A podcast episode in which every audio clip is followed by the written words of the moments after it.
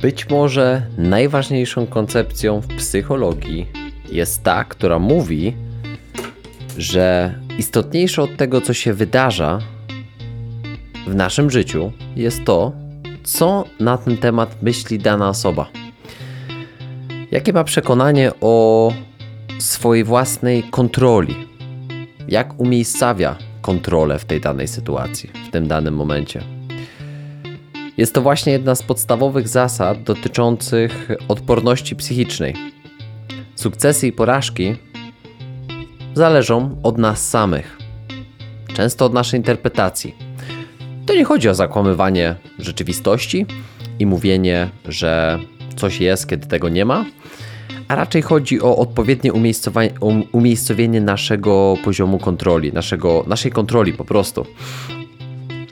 I o tym właśnie będzie ten odcinek. Odporność psychiczna, część druga, raczej część e, czy odcinek drugi z serii Elementy budowania odporności psychicznej. Tydzień temu opowiadałem o tym, czym jest odporność psychiczna i jakie są jej składowe, co to znaczy być odpornym psychicznie. Zakończyłem tamten odcinek e, mówiąc, że na początku 81 odcinka, czyli tego, którego teraz słuchasz, zidentyfikujemy sobie cechy osoby odpornej psychiczne, psychicznie, które będą wymienione w kolejności od najważniejszej do tej najmniej ważnej, choć ja czytając tą listę mam wrażenie, że każda z nich jest równie ważna. Dlatego to będzie początek tego odcinka. Witam Cię serdecznie w moim podcaście.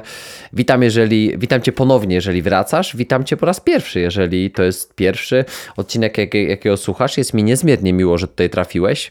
Ja nazywam się Mateusz Brela i na co dzień zajmuję się psychologią sportu, treningiem mentalnym, szeroko pojętym rozwijaniem ludzkiego potencjału. Pracuję na co dzień z, ze sportowcami i sportowczyniami, indywidualnie i grupowo podczas obozów, warsztatów, ale głównie podczas e, mojej pracy psychologicznej indywidualnie, która to pochłania najwięcej mojego czasu. W wolnych chwilach e, grywam w, w dalszym ciągu jeszcze w piłkę nożną, ponieważ jestem sportowcem, ale dzisiaj już tylko na poziomie amatorskim, e, co dalej oczywiście sprawia mi wiele przyjemności, dalej się świetnie bawię, dalej jest to fajna rywalizacja rywalizacja, e, nawet gra na poziomie czwartoligowym. E, do tego uwielbiam dobrą książkę. Lubię dobry film, lubię odpoczywać, lubię czasami pograć e, w, w, jakieś fajne gry, choć nie robię tego dużo, bo, bo inaczej troszeczkę alokuję ten swój czas, ale, ale uwielbiam taki spokój, po prostu czas z moimi bliskimi. Mm, lubię dbać o relacje, o, o moich ludzi, jak to, jak to często miewam mówić. I do tego jeszcze jestem człowiekiem, który nieustannie szuka, uczy się i stara się rozwijać swoje horyzonty. Za dwa miesiące kończę kolejne studia. E, tym razem będzie, będzie to niespodzianka psychologia, ale nie w nurcie sportowym, ale psychologia kryzysu i zmiany na Uniwersytecie SWPS, bronię tam pracy magisterskiej.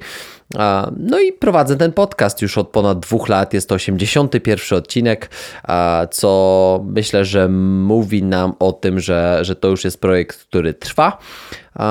I myślę, że będzie trwał, to nie ma swojego, e, swojej daty końcowej. Oby tak dalej. Tak sobie samemu mówię po każdym nagranym odcinku.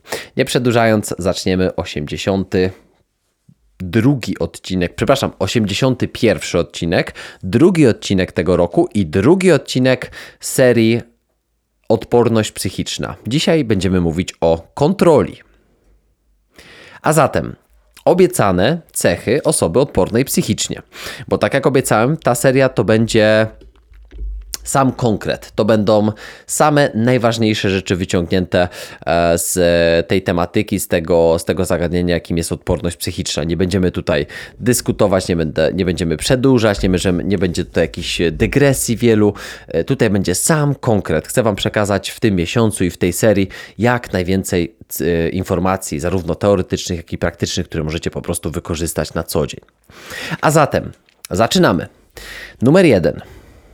Osoba, raz jeszcze, to są cechy osoby odpornej psychicznie. Numer jeden. Niezachwiana wiara we własną zdolność do osiągania celów w rywalizacji z innymi. Numer dwa.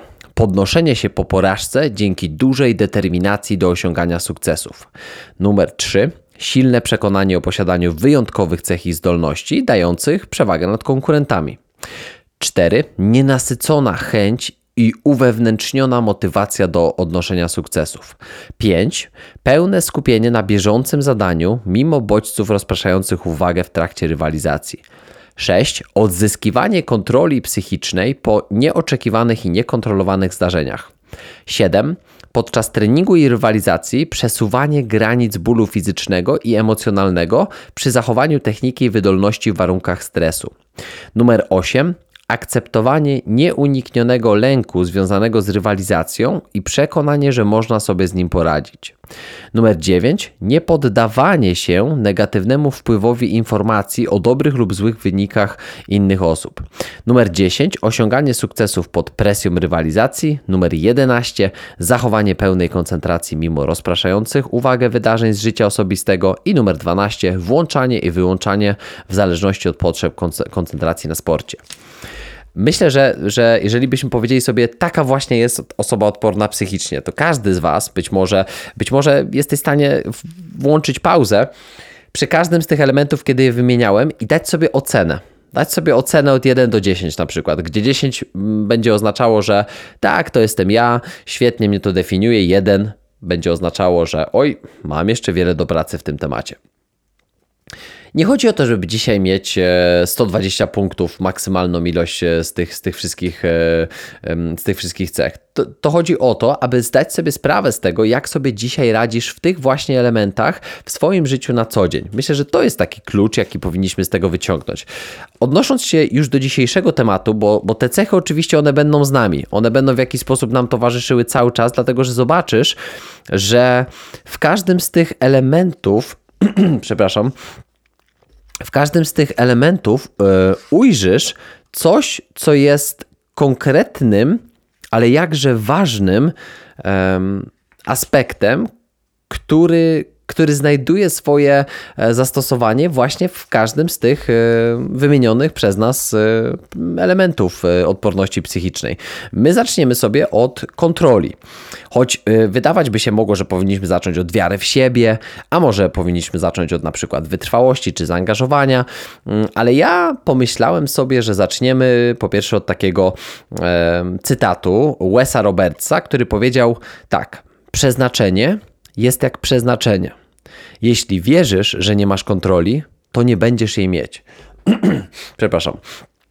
I uważam, że e, tak, jak, e, tak jak autorzy e, Strycharczyk i, i Klouch zgrabnie napisali, im bardziej człowiek wierzy, że potrafi kształtować to, co dzieje się wokół niego, a także na to wpływać, to jest ważny element, tym bardziej jest przekonany, że potrafi dokonać zmian i osiągnąć to, co jest konieczne. I zobaczcie, to nie chodzi o to, że, że ta wiara macie, ma w jakiś sposób pomagać ci przyciągać sukces. To nie jest siła przyciągania, to nie jest, wiecie, e, dokument czy książka sekret, który mówią o tym, że im bardziej czegoś chcesz, tym bardziej, tym bardziej będziesz to miał. Im bardziej wizualizujesz sobie czerwone Ferrari e, i siebie w, w samochodzie, e, tym, tym lepiej na, to, na tym wyjdziesz. Nie, chodzi o to, że wstępnie, jak rozpoczynasz pracę nad własną kontrolą psychiczną, to im bardziej wierzysz, że potrafisz kształtować to, co dzieje się wokół ciebie, tym, uwaga, masz większe przekonanie o tym, że masz kontrolę nad swoim życiem, że potrafisz kontrolować swoje emocje, że, że umiejscawiasz przede wszystkim swoją kontrolę wewnętrznie, nie zewnętrznie, bo to jest chwiejne, to jest niestabilne.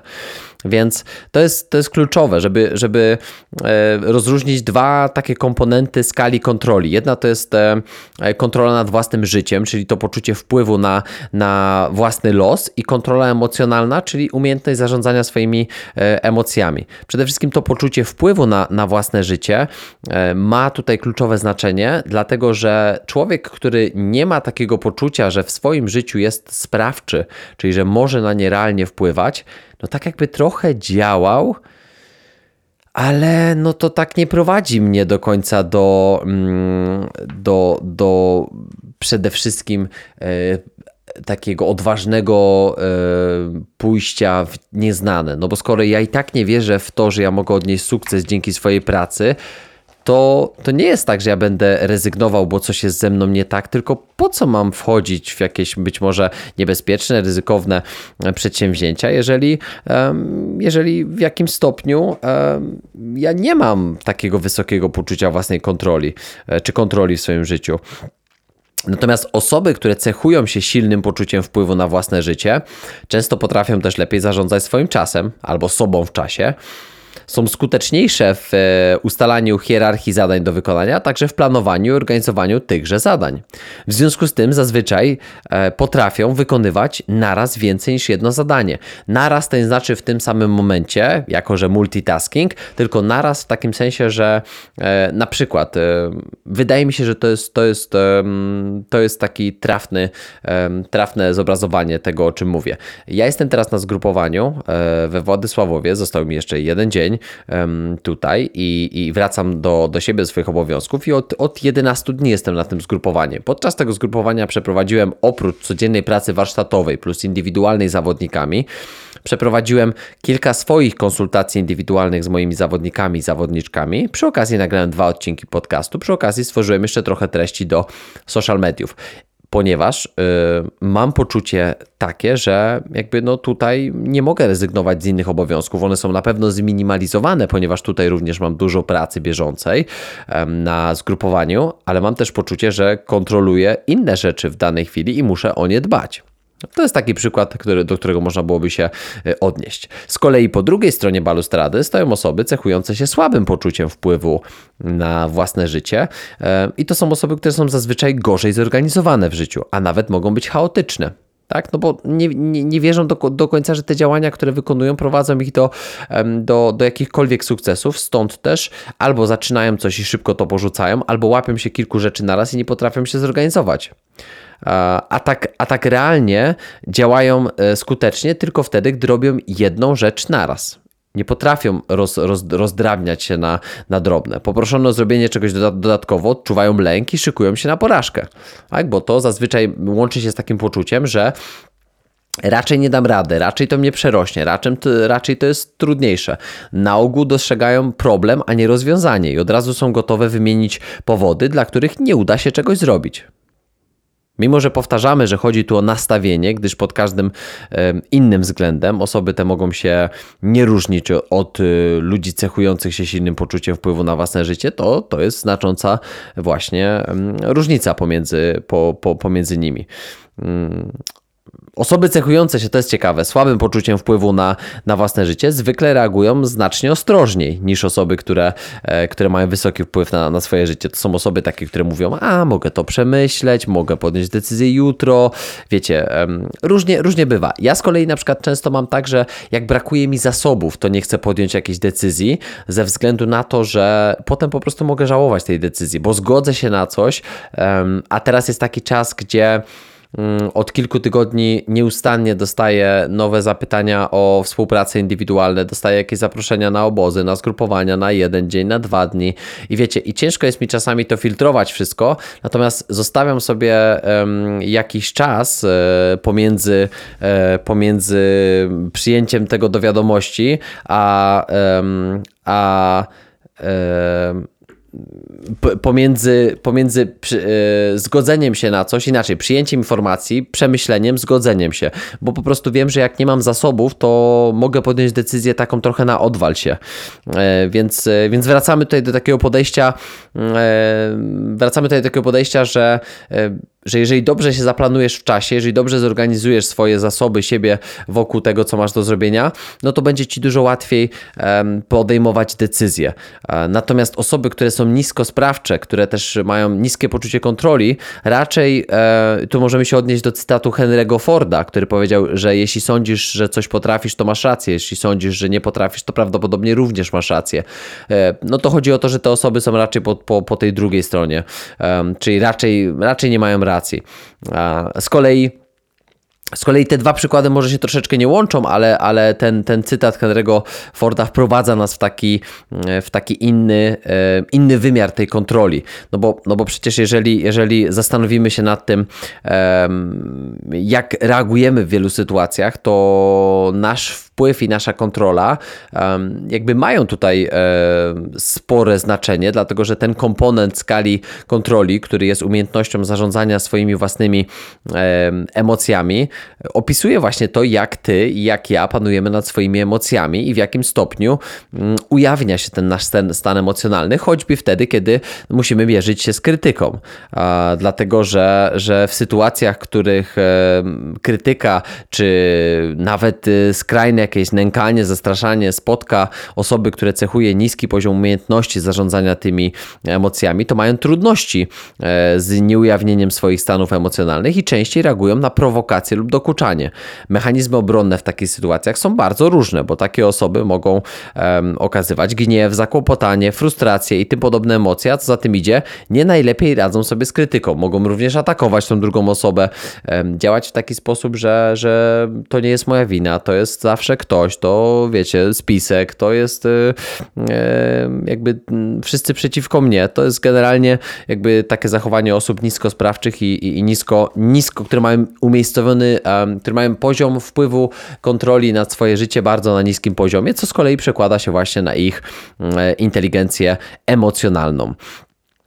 I tutaj Paul Brown um, zasugerował, że, e, że inteligencja, inteligencja emocjonalna to jest bardzo ciekawa um, koncepcja, jest mniej inteligentna niż się nam do tej pory wydawało i że nierzadko o wiele ważniejsze są właśnie te inteligentne emocje. Teraz, żeby to dobrze zrozumieć, um, no to trzeba się zastanowić, czym jest inteligencja emocjonalna. Ja napisałem e-booka o tym zjawisku inteligencji emocjonalnej w sporcie. Tak troszeczkę odniosłem się bardziej właśnie do tych tematów sportowych myśląc o e, przyziemności tego tematu dla, dla, dla takiego młodego sportowca, który być może jest w potrzebie przyjęcia e, takiego, mm, takiego właśnie e, takiej dawki wiedzy dotyczącej tematu inteligencji emocjonalnej, ale krótko mówiąc, to jest zdolność pojmowania wpływu naszych emocji na innych ludzi oraz wpływu emocji innych ludzi na nas samych, zwrotnie. I koncepcję inteligentnych emocji Paula Brauna można wyjaśnić w następujący sposób, tutaj jego słowami. Wyobraźmy sobie bardzo dobrego aktora, który odgrywa odgrywa na scenie rolę człowieka o osobowości zupełnie odmiennej od jego własnej. Dobry aktor potrafi przekonująco zagrać wiele różnych typów ludzkich, gdyż został nauczony nie tylko tego, jak wypowiadać słowa, ale także tego, jak pokazywać charakterystyczne cechy i nawyki postaci, dodające słowom znaczenia. Teraz oczekujemy, że publiczność w teatrze zrozumie, co mówi i czuje ta dana postać, którą ten aktor mm, prze próbuje przekazać, pokazać. I że przekaz płynący z, ze sceny dotrze do każdego spośród powiedzmy 500 widzów. Jeśli byłbyś jednym z takich widzów, to czyje emocje i uczucia odczytywałbyś e, w danej chwili? Aktora czy odgrywanej przez niego postaci? I teraz zobacz, że o ile aktor dobrze wykonuje swoją pracę, odczytujesz emocje jego postaci, a nie emocje aktora. Aktor tak steruje swoimi emocjami, aby pokazać widzom to, co chce, żeby ci dostrzegli, poznali, no i w konsekwencji zrozumieli. Coraz częściej słychać, że właśnie na tym polega prawdziwa inteligencja. Większość z nas potrafi odczytywać to, co widzi, bo cechuje nas właśnie inteligencja emocjonalna. Większość z nas potrafi. Nie każdy potrafi się tym posługiwać, ale większość z nas to potrafi. Więc to też mówimy, gdy, gdy mamy na myśli, um, o, że ktoś umiejętnie zarządza swoimi emocjami e, w kontekście odporności psychicznej. To jest niesamowicie ważny temat, dlatego zaczynamy właśnie od tego tematu um, kontroli, bo osoba odporna psychicznie zdaje sobie również sprawę, że poprawiając nastrój ludziom wokół, jednocześnie podnosi na duchu siebie. I teraz warto się zastanowić, to jest taki, taki temat, który bardzo mocno nam się łączy właśnie z motywacją, e, właśnie też z tematem emocji. Ludzie ciągle szukają tego czynnika motywacji, ludzie ciągle szukają tego, że mi się zachce w, końcu.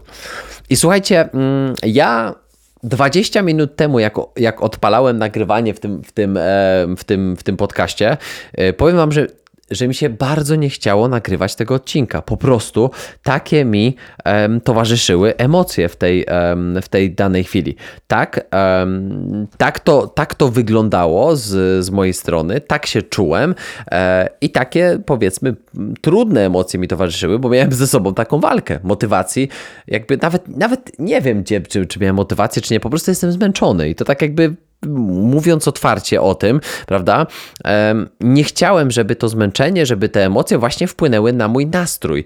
A co z kolei byłoby, byłoby powodem na przykład tego, że e, zdecydowałbym, że poleżę sobie i pogram na telefonie, albo e, poczytam książkę, albo, ale prawdopodobnie nie poczytał książki, bo jestem zmęczony, więc brak mi zasobów, a potencjalnie mógłbym później czuć się źle, dlatego że zaplanowałem sobie nagranie podcastu, a wybrałem leżenie i, mm, i granie na telefonie. Natomiast ja wiem, jak funkcjonuje e, moja e, osoba, jak funkcjonuje mój mózg jak funkcjonuje moje ciało. Ja już jestem e, tak wkręcony i tak skoncentrowany w ten, w, ten odcinek, jestem tak skoncentrowany w tej, w tej danej chwili, że dla mnie to już jest nieistotne, czy mi się chce, czy mi się nie chce, bo ja wiem, że mam do przekazania ważne rzeczy. Tak? I dlatego mm, ja bym powiedział, że, że, że ja włączyłem trochę takie swoje aktorskie, aktorski talent do, do tego, żeby e, poprawić sobie nastrój, bo ja wiedziałem, że jak ja zacznę nagrywać ten podcast, to poprawi mi się nastrój. Zresztą mam pewną odpowiedzialność wobec ciebie, więc jeżeli ja chciałbym dla ciebie w tym podcaście e, wystąpić z takim dobry, taką dobrą energią, silną energią, prawda? Silną energią, takie trochę dziwne e, powiedzenie, ale takim, wiesz, takim mocnym przekazem, to ja nie mogę tutaj siedzieć i ta inteligencja emocjonalna, osoba odporna psychicznie, no przecież usnąłbyś po drugiej stronie, a, a mnie nie o to chodzi. Tak? Dlatego wydaje mi się, że e, Wydaje mi się, że kolejne takie innowacyjne metody mogą pomagać, jeżeli ty jeszcze nie znalazłeś swojej, e, bo na przykład włączanie właśnie ćwiczeń aktorskich do programów rozwoju umiejętności przywódczych czy interpersonalnych, po jakieś różne aplikacje, na przykład poprawiające nastrój, takie jak e, płatna aplikacja, co prawda, chyba kosztuje 13 zł, nazywa się Mood Mint. My o o d MINT, Mood Mint. E, bardzo fajna aplikacja, która, która mm, daje e, bardzo, w bardzo prosty sposób takie pozytywne przekazy, pozytywne wzmocnienia, dzięki którym jesteś w, w krótkim czasie, jesteś w stanie w krótkim czasie zmienić swój stan emocjonalny ludzie są inteligentni emocjonalnie, emocjonalnie i nie oznacza to oczywiście, że należy odsuwać na bok własne uczucia e, i nigdy ich nie, nie okazywać. E, to wiesz dobrze pewnie, że prowadziłoby do szaleństwa. E, chodzi, o, chodzi wyłącznie o zarządzanie emocjami, sygnałami emocjonalnymi wysyłanymi w kierunku innych ludzi i od innych ludzi do nas. Ogromne znaczenie w tym wszystkim ma autentyczność niewiele zdziałasz, e, jeśli, jeśli inni nie będą potrafili rozpoznać, e, wiesz, prezentowanych przez ciebie emocji, bo będziesz zamknięty, bo będziesz zablokowany. Więc to też jest bardzo ważne, żeby, żeby mieć to na uwadze. Mm, wydaje mi się, że, mm, że, że bardzo ciekawe jest właśnie to, jak jak zachowują się osoby na przykład uzyskujące niższe wyniki w testach kontroli swoich emocji. Bo to, bo, to, bo to bardzo fajnie można sobie porównać e, w teorii i w praktyce, jak to, mm, jak to, jak to wygląda. E, w, w teorii to jest to wracając jeszcze do tej koncepcji właśnie e, kontroli. W teorii to jest tak, że, że, że kontrola to jest stopień, w jakim ludzie, e, w jakim ty i ja, wedle własnego odczucia, sterujemy swoim własnym życiem. Jeżeli ja jestem na przykład przekonany o tym, że potrafię wywierać znaczący wpływ na siebie i swoje środowisko pracy, wierzę w to, że mogę coś zmienić, to nie czuję się w taki, nie czuję tak, czegoś takiego, że wokół mnie to, co się dzieje, jest poza moją osobistą kontrolą i że ja nie jestem w stanie wywierać jakiegokolwiek wpływu na siebie i na inne rzeczy w moim życiu, bo ja czuję, że właśnie tak jest. A w praktyce oznacza to na przykład, że e, osoby z jednego krańca tej skali kontroli czują, że ich, wkład, ich wkład, czyli na przykład mój wkład, naprawdę się liczy jestem zmotywowany do dawania z siebie jak najwięcej. To jest na przykład przykład tego, przykład tego podcastu. Ja wierzę w to, że to naprawdę ci dużo daje. I dlatego ten podcast nagrywam. Natomiast ludzie, którzy są po drugiej stronie krańca, e, uważają, że ich, wkład, że ich wkład jest mało ważny, dlatego nie angażują się tak bardzo, jakby mogły. W konsekwencji te pierwsze będą radziły sobie z wieloma rzeczami naraz, a te drugie nie. Bo ja mam takie poczucie, że jeżeli nie, da, nie nagram tego podcastu, to ja się e, z tym będę źle czuł. Że ja będę miał takie poczucie, że jakby ta ważna wiadomość została przekazana. A ona jest niesamowicie ważna. Więc jakby osoby właśnie, takich kilka charakterystyk, to dosłownie kilka wyjętych przykładów. E, osoby uzyskujące niższe wyniki na skali zarządzania swoje, swoimi emocjami, na przykład dają wszystkim do zrozumienia, jak się czują. E, I, I w konsekwencji, e, bo wydaje się, że to, to co w tym złego, że, że dajesz wszystkim do zrozumienia, jak się czujesz.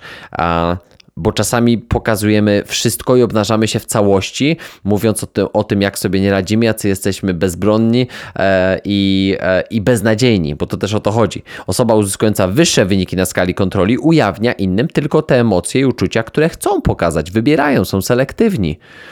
E, osoby uzyskujące niższe wyniki w umiejętności zarządzania emocjami mają poczucie, że są przedmiotem zdarzeń, nie mają kontroli nad tym, co się dzieje w ich życiu. Postrzegają wszystko jako mój problem, to jest, to, jest, to jest wielka tragedia dla mnie. Z kolei osoby uzyskujące wyższe wyniki czują, że mają wpływ na bieg wydarzeń, czyli mają kontrolę i postrzegają sprawę jako czyjś problem, nie mój.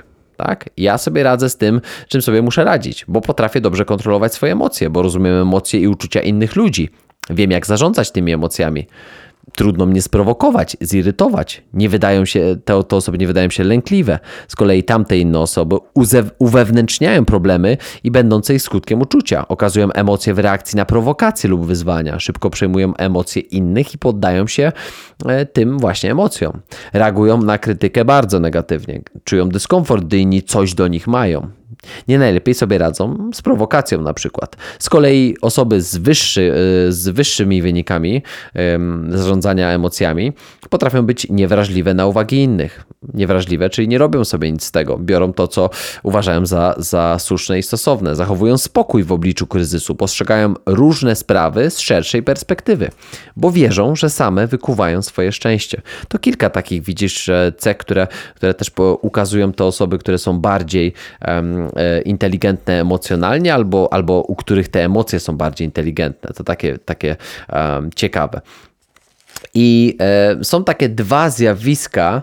Mm, są jeszcze dwa takie zjawiska, które chciałbym omówić. E, i, e, i, tym, e, I tym samym podsumować ten odcinek, dlatego że chciałbym omówić jeszcze takie zjawisko jak wyuczona bezradność i, i siła atrybucji.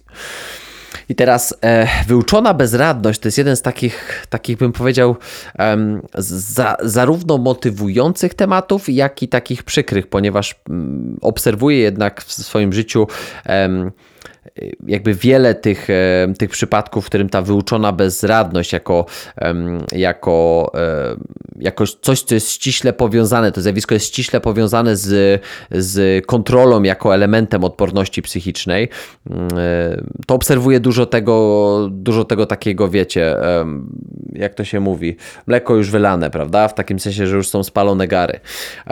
Tą ważną koncepcję, trochę do teorii, przedstawił w 70, 1975 roku e, Martin Seligman, e, jeden z, z twórców psychologii pozytywnej. Z grubsza, to tak e, uproszczając dramatycznie, mówi ona o tym, że osoby, które nauczyły się bezradności, uogólniają taką postawę i uważają, iż nie mają na nic wpływu.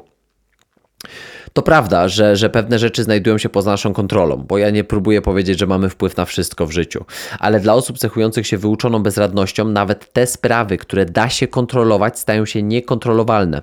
Dlatego, że te osoby e, wyuczy, wyuczyły się, mówiąc wprost, e, tego, że raczej nie mają szans powodzenia, bo wyuczona bezradność skutkuje tym, że w warunkach presji jednostka działa poniżej swoich możliwości. Przekonanie o własnej bezradności e, było badane wielokrotnie i, i bardzo ciekawe badanie na studentach, które, które pokazało, że studenci, którzy, którzy dostawali negatywny feedback, czyli negatywną opinię w jakichś pierwszych wstępnych ćwiczeniach, ci, którzy mieli niższy poziom kontroli zarządzania swoimi emocjami, później radzili sobie dużo gorzej w innych, bardziej skomplikowanych testach, takich wymagających ich kompetencji miękkich, przywódczych i tak dalej, zarządzania, planowania, ponieważ po prostu mieli w sobie większą wyuczoną e, bezradność. E, I tutaj fajnie pasuje taki, taki cytat Johna Woodena, e, który, który mówi tak: Nie pozwól, by to, czego nie możesz zrobić, miało wpływ na to, co możesz zrobić, prawda? Czyli żeby, żeby, żebyś nie myślał, że to, co cię ogranicza, jest tym, co ogranicza ciebie zawsze. I, i tutaj wiecie, wyuczona bezradność dla mnie mnie przypomina taką historię, taką historię cyrku i małego chłopca i, i, słonia. Może znać tę historię, może nie. Skrócę ją, ale jest bardzo fajna, bardzo ciekawa. Mm. Przyjechał cyrk do, do wybranego przez ciebie miasta. Niech będzie do Władysławowa. I ten cyrk miał być tutaj przez tydzień. E, był tam taki chłopiec, który, który uwielbiał cyrk i codziennie przychodził do tego cyrku, aby obserwować te zwierzątka, które tam, e, które tam w tym cyrku były. E, I największą uwagę zwrócił jego, największą uwagę zwrócił taki ogromny słoń. Był to chyba naj, największy, największe to zwierzę tego cyrku. Uwagę jednak przykuło to, że ten ogromny słoń był przykuty do malutkiego drzewka taką cieniu, takim cieniutkim sznurem. Takim, że gdyby ten słoń zrobił kilka kroków, to prawdopodobnie zerwałby ten, ten sznur, bo był on po prostu bardzo silny.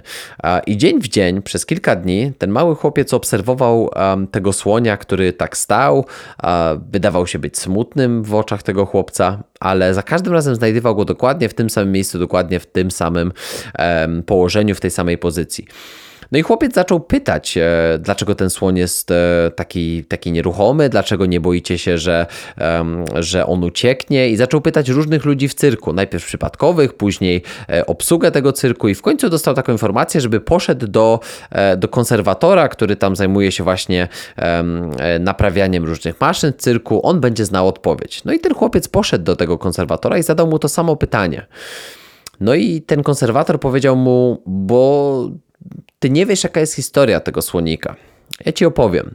E, kiedy ten słonik był jeszcze bardzo mały, 15 lat temu, to on został przywiązany do, do tego, te, tego drzewka, do, do drzewka bliźniaczo podobnego, o podobnej wielkości, gabarytach, tym właśnie sznurem. I wtedy ten sznur był dla niego niemożliwy do, do, do zerwania. Ten słonik e, przez kilka lat walczył z tym sznurem, ale niestety nigdy nie udało mu się wydostać. Próbował uciec, ale ten sznur był po prostu za mocny dla tego małego słonika. I pewnego dnia ten słonik po prostu zrezygnował. I on w ciągu następnych lat urósł do wielkich rozmiarów, ale wewnętrznie w jego głowie została wyuczona bezradność, że on i tak nie ma szansy zerwać się z tej liny, więc po prostu przestał próbować. Żadne próby zrozumienia, wytłumaczenia, no wiecie, słoniu nie wytłum- słoniowi nie wytłumaczymy tego, ale wyuczona bezradność trochę działa w taki sposób, że przestajemy próbować nawet kiedy te możliwości są wśród nas i kiedy faktycznie przecież mamy realną szansę na to, żeby tak jak ten słoń w tym wypadku uciec. Ale ale ta wyuczona bezradność jest tak silna, że w pewnym momencie rezygnujemy tak bardzo. To jest taki skrajny przykład, bo na przykład, taki skrajny przykład, bo na przykład niemowlę, na którego płacz nikt nie reaguje, w końcu przestaje próbować nie tylko mm, wołać i, i, e, i, płakać, ale przede wszystkim e, wpływać na otoczenie w ten sposób. I to może mieć nad niemowlętami e, zarówno pozytywnie, jak i negatywne konsekwencje. Niektórzy specjaliści badacze od opieki nad niemo, nie, niemowlętami sugerują, aby nie biec do dziecka za każdym razem, gdy płacze. Można jednak zapominać o niewielkiej liczbie skrajnych przypadków, na przykład poważnego zaniedbywania dzieci przez rodziców, które często skutkuje tym, że na późniejszych etapach życia takie dzieci mają ogromne problemy psychiczne i trudności z przystosowaniem się. Dlatego według badaczy przyczyną bezradności nie jest wyłącznie ekspozycja na wydarzenia e, pozostające poza naszą kontrolą. E, jak na przykład przekonuje nas e, Peterson i Barrett z badaniami z 1987 roku, jednostka musi przypisać brak kontroli własnym niedoskonałościom. Inni autorzy z kolei na przykład sugerują, że nie chodzi tylko o oddzielenie działań, działań od wyników, a najistotniejszym czynnikiem jest powtarzalność porażki, prawda? Więc jakby to, to, to zostaje otwarte, ale myślę, że to też pokazuje, jak to zjawisko kontroli, tej wyuczonej bezradności w naszym życiu potrafi po prostu na nas um, oddziaływać każdego, każdego dnia. Um, I siła atrybucji. To jest, to, jest, to jest też bardzo ciekawe, dlatego że mm, kluczowe dla, dla, dla poczucia kontroli są nasze własne atrybucje. E, być może, tak, tak też rozpocząłem ten podcast, najważniejszą koncepcją właśnie w psychologii jest to, że, że istotniejsze od tego, co nam się wydarza, jest to, co na ten, na ten temat myśli e, dana, dana osoba. E, i to jest, to jest ciekawe, ponieważ wśród czynników e, takich wewnętrznych e, można wyróżnić zdolności i wysiłek. Wśród zewnętrznych trudność, zadania, e, które wykonujemy i szczęście. Zatem to, czy osiągniesz sukces, czy też poniesiesz porażkę, e, wykonując jakieś, jakieś czynności, zależy od Twoich zdolności, ciężkiej pracy, trudności zadania albo przypadku po prostu. I um, atrybucje, które są wewnętrzne, to powtarzam raz jeszcze, są zdolności i wysiłek. Coś, co jest stabilne, to są nasze zdolności, one się nie zmieniają, prawda? Ale e, coś, co się zmienia w czasie, to jest nasz wysiłek. Zewnętrzne, no to jest na przykład trudność zadania, jaką dostaniemy, albo szczęście, prawda? E, z trudnością zadania możemy w jakiś sposób sterować, a szczęście jest, jest niestabilne, nie możemy tego kontrolować. To jest właśnie jedna z podstawowych zasad dotyczących odporności psychicznej Sukcesy i porażki zależą od nas samych, e, czyli te wewnętrzne atrybucje, które są skierowane na nasze zdolności, plus ten nasz wysiłek. Dodajemy do tego trudność zadania, plus potrzebne nam jest szczęście. Jakby wydaje mi się, że żyjemy w społeczeństwie w ogóle, w którym e, doszukujemy się wszędzie e, indziej tej winy, ale nie w samych sobie kwestia winy ma właśnie obe obecnie bardzo duże znaczenie. Osoba, która jest odporna psychicznie, jest gotowa zaakceptować konsekwencje swoich działań, zarówno pozytywnych, jak i negatywnych. I to jest, i to jest, to jest waż, bardzo ważny element w, w tych atrybucjach właśnie. To jest coś na pewno dla, dla Ciebie do, do zgłębienia, natomiast coś, co, co, co było też ważne, mm, to, y, że w badaniach nad siłą atrybucji badacze wyróżnili dwa typy ludzi. Źródła, czyli osoby, które lubią mieć kontrolę i zapoczątkowywać własne zachowania oraz pionki. To jest osoby, które czują się bezsilnie, e, bezsilne i pozbawione wpływu, poddając się na przykład jakiemuś działaniu zewnętrznemu, takim jak źródła, właśnie, jak te osoby, które są źródłami. I to jest ciekawe, dlatego że. E, że jakby to zebrać w całość oczywiście, to, to kontrola emocjonalna to jest, to, to jest ten jeden element, to jest zarządzanie swoimi własnymi emocjami. Natomiast ten drugi element to jest właśnie nasza siła wewnętrzna, nasza odporność e, psychiczna, która mówi o tym, tak jak mówił Tom Hopkins, że nie świadczy o tobie liczba twoich porażek, lecz liczba sukcesów, a liczba moich sukcesów jest wprost proporcjonalna do liczby sytuacji, w których mimo porażki nie ustałem w wysiłkach, by odnieść sukces. To jest częściowo właśnie też to zaangażowanie i wytrwałość, o którym będę mówił w następnym odcinku za tydzień. I tam sobie rozpoczniemy od, e, od, od e, właśnie tego, czym jest to e, zaangażowanie i jak to, to japońskie przysłowie mówi: upadnij 7 razy, a podnieś się 8.